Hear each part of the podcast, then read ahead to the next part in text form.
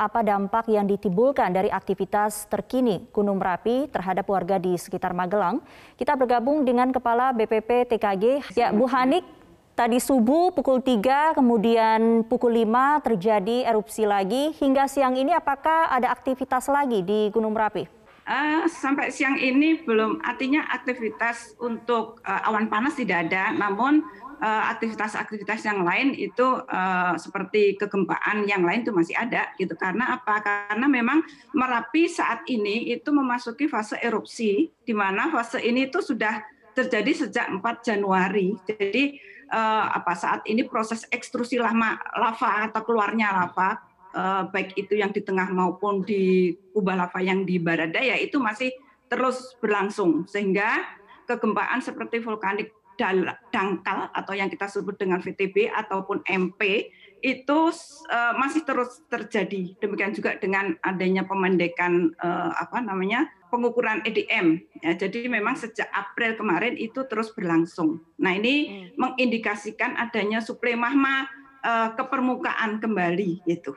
Tapi apakah dampaknya, apakah semakin besar, semakin besar uh, untuk aktivitas yang mungkin mulai intens dari sejak Jumat, Minggu hingga pagi tadi? Kalau dampak itu uh, saat ini karena uh, beberapa kali mengeluarkan awan panas, jadi yang yang terdampak langsung kepada masyarakat saat ini adalah uh, apa namanya abu vulkanik. Namun demikian yang paling uh, bahaya atau dampak yang lain yang terus uh, apa namanya harus kita perhatikan itu adalah adanya awan panas ya. Awan panas ini kan uh, bersumber dari guguran kubah lava yang tadi ada di tengah maupun yang ada di pinggir atau di sisi uh, Gunung Merapi yang di sisi barat daya, maka ini uh, menyebabkan adanya guguran awan panas. Nah, ini yang harus kita perhatikan. Nah, ini jarak awan panasnya luncurannya sampai saat ini sih maksimal 3 km, tapi potensi itu bisa terus berkembang dalam artian kalau memang suplai itu nanti terus akan terjadi maka kemungkinan akan uh, lebih besar lagi. Apakah ada rekomendasi dari BPP TKG melihat uh, aktivitas Gunung Merapi saat ini? Uh, apakah kegiatan warga memang di sekitar 3 atau 5 km harus dikurangi?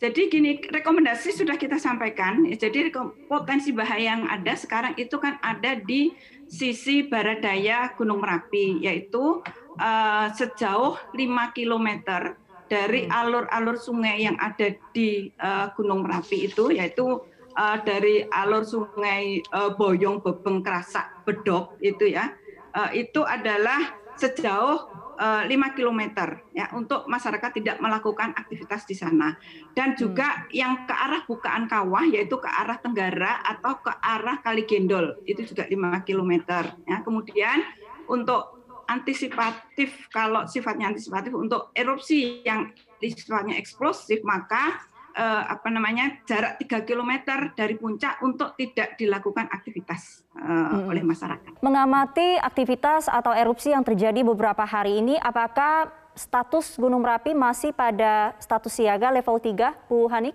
Masih. Jadi karena apa jarak luncur atau potensi bahaya yang 5 km itu belum mengancam ke penduduk. Sehingga kenapa kita masih menetapkan atau status masih kita uh, tetapkan di siaga. Bagaimanakah cara untuk mendapatkan atau mendonorkan plasma konvalesen di komunitas Plasma Hero ini?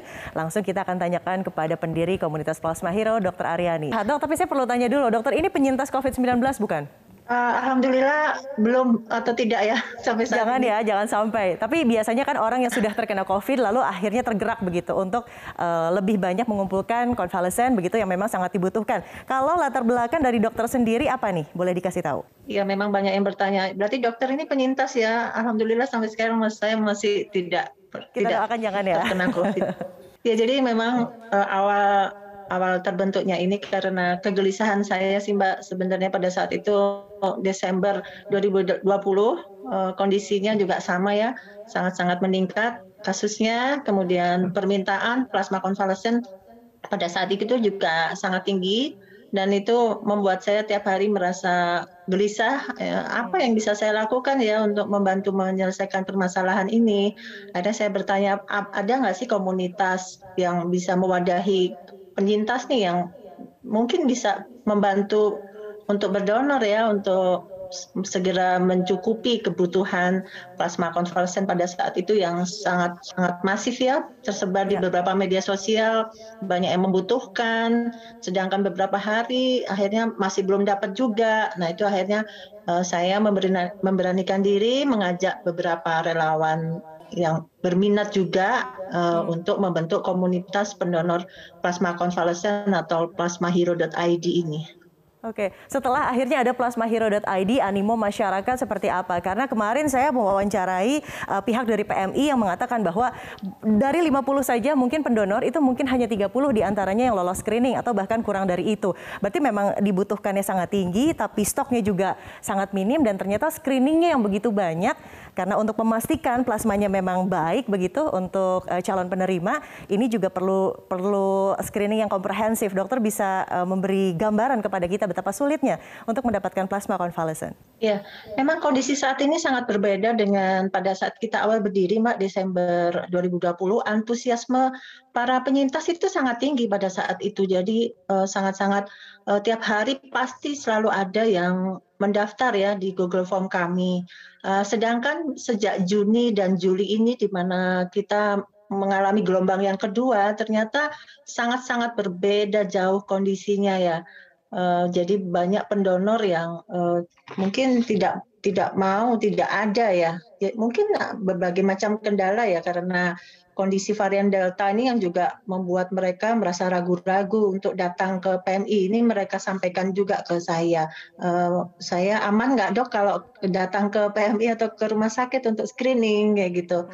Kemudian juga uh, banyak yang masih trauma juga selesai sakit mereka juga enggan untuk uh, apa berhubungan dengan jarum suntik ya. datang ke rumah sakit ke PMI melihat darah lagi. Kemudian juga ada yang masih belum bebas dari gejala jadi masih ada yang merasakan batuk demam sesak uh, diare sakit kepala. Itu yang menyebabkan mereka juga uh, tidak bisa untuk berdonor ya. Kemudian juga ada yang tidak memiliki hasil swab positif pada saat dia sakit ya. Jadi uh, hanya ada swab antigen. Jadi harusnya kan uh, ada swab PCR positif itu yang disyaratkan. Nah, akhir-akhir ini tetapi sudah ada perubahan uh, aturan dari PMI swab antigen sudah boleh. Ada juga yang tidak ada bukti kalau dia sudah sembuh. Nah, itu yang menyebabkan mereka Jadi, uh, jadi memang banyak gitu ya tantangannya untuk, ya untuk untuk mendonorkan konvalesen uh, Tapi sampai banget, saat ya. ini Dok, uh, stok yang sudah dikumpulkan oleh Plasma Hero sudah ada berapa? Sudah amankah katakanlah untuk kawasan Malang, Jawa Timur saja atau gimana? Iya, uh, plasmahero.id ini melayani seluruh Indonesia dan memang kebanyakan uh, pendonor dari Jabodetabek dan sangat-sangat kurang sekali Mbak karena antrian di PM itu bisa sudah sampai 500 sampai 700 sedangkan yang mendonor hanya mungkin sehari hanya hanya dua tiga gitu ya. Jadi sangat sangat sedikit dan memang sangat sulit ya.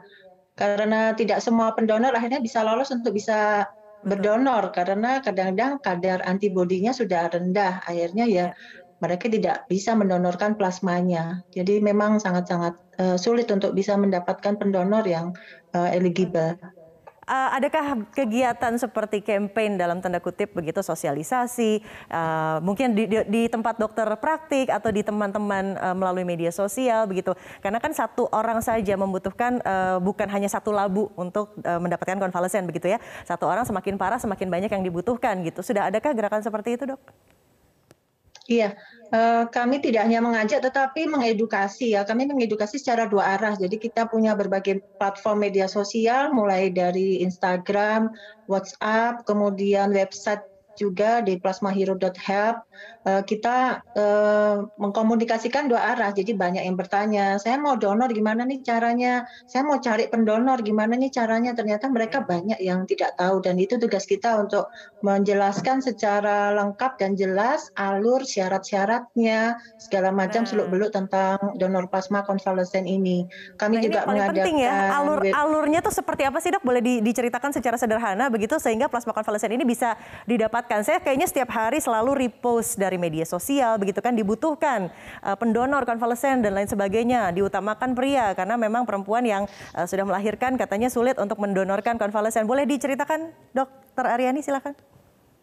Ya, Jadi alurnya yang pertama pasti untuk mendapatkan plasma konvalesen itu ada surat permintaan atau belangko permintaan dari dokter yang merawat si pasien. Jadi bukan atas permintaan keluarga. Jadi pasien itu harus dirawat di rumah sakit, tidak yang isoman. Itu yang pertama. Kemudian uh, di, uh, akan dicari ke PMI atau unit transfusi darah ada stok atau tidak plasma konvalesen tersebut. Jika tidak ada stok berarti keluarga harus mencari pendonor yang sesuai dengan golongan darahnya. Nah, itu proses mencarinya itu kan yang banyak di-share di WhatsApp atau di media sosial. Betul. Nah, itu jika pendonornya ternyata uh, ada penyintas yang sesuai golongan darah, kemudian uh, diminta untuk bisa datang uh, untuk screening ke PMI atau unit transfusi darah yang sesuai dengan domisili dari si pasien.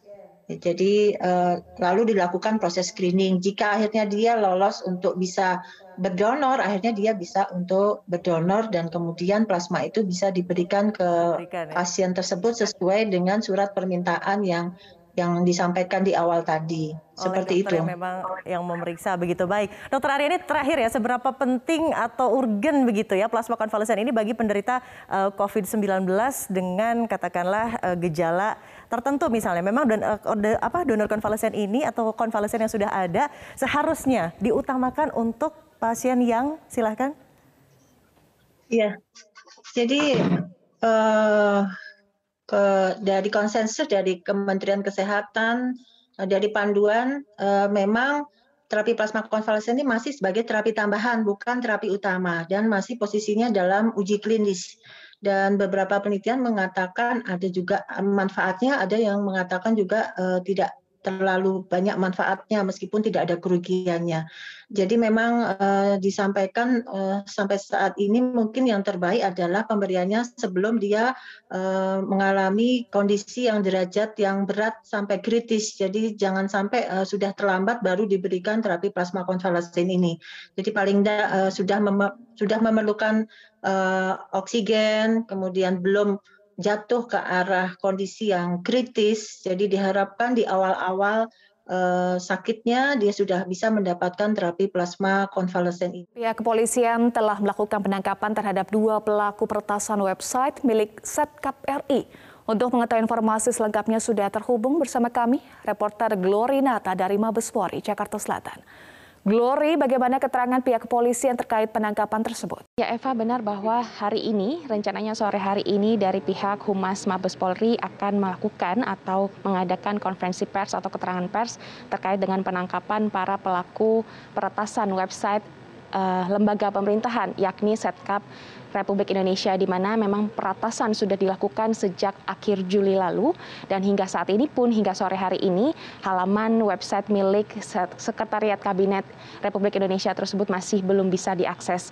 Dan diketahui bahwa Setkap ini merupakan suatu lembaga pemerintahan yang uh, bertanggung jawab langsung di bawah presiden. Dan menurut informasi yang kami terima pun dari pihak kepolisian pusat sudah bekerja sama dengan pihak kepolisian Sumatera Barat dan sudah menangkap sekitar dua orang pelaku peretasan halaman website milik Setkap Republik Indonesia di mana kedua pelaku tersebut masih berumur sekitar 18 tahun yang berinisial ZY dan juga Lutfi Faki dan penangkapan kedua orang ini dilakukan secara terpisah yakni pelaku pertama ditangkap tanggal 5 Agustus kemudian pelaku kedua ini ditangkap tanggal keesokan harinya tanggal 6 Agustus dan untuk mengetahui apa saja motif yang uh, membuat para pelaku tersebut melakukan peretasan, kami masih menunggu pernyataan atau konferensi pers dari Humas Mabes Polri.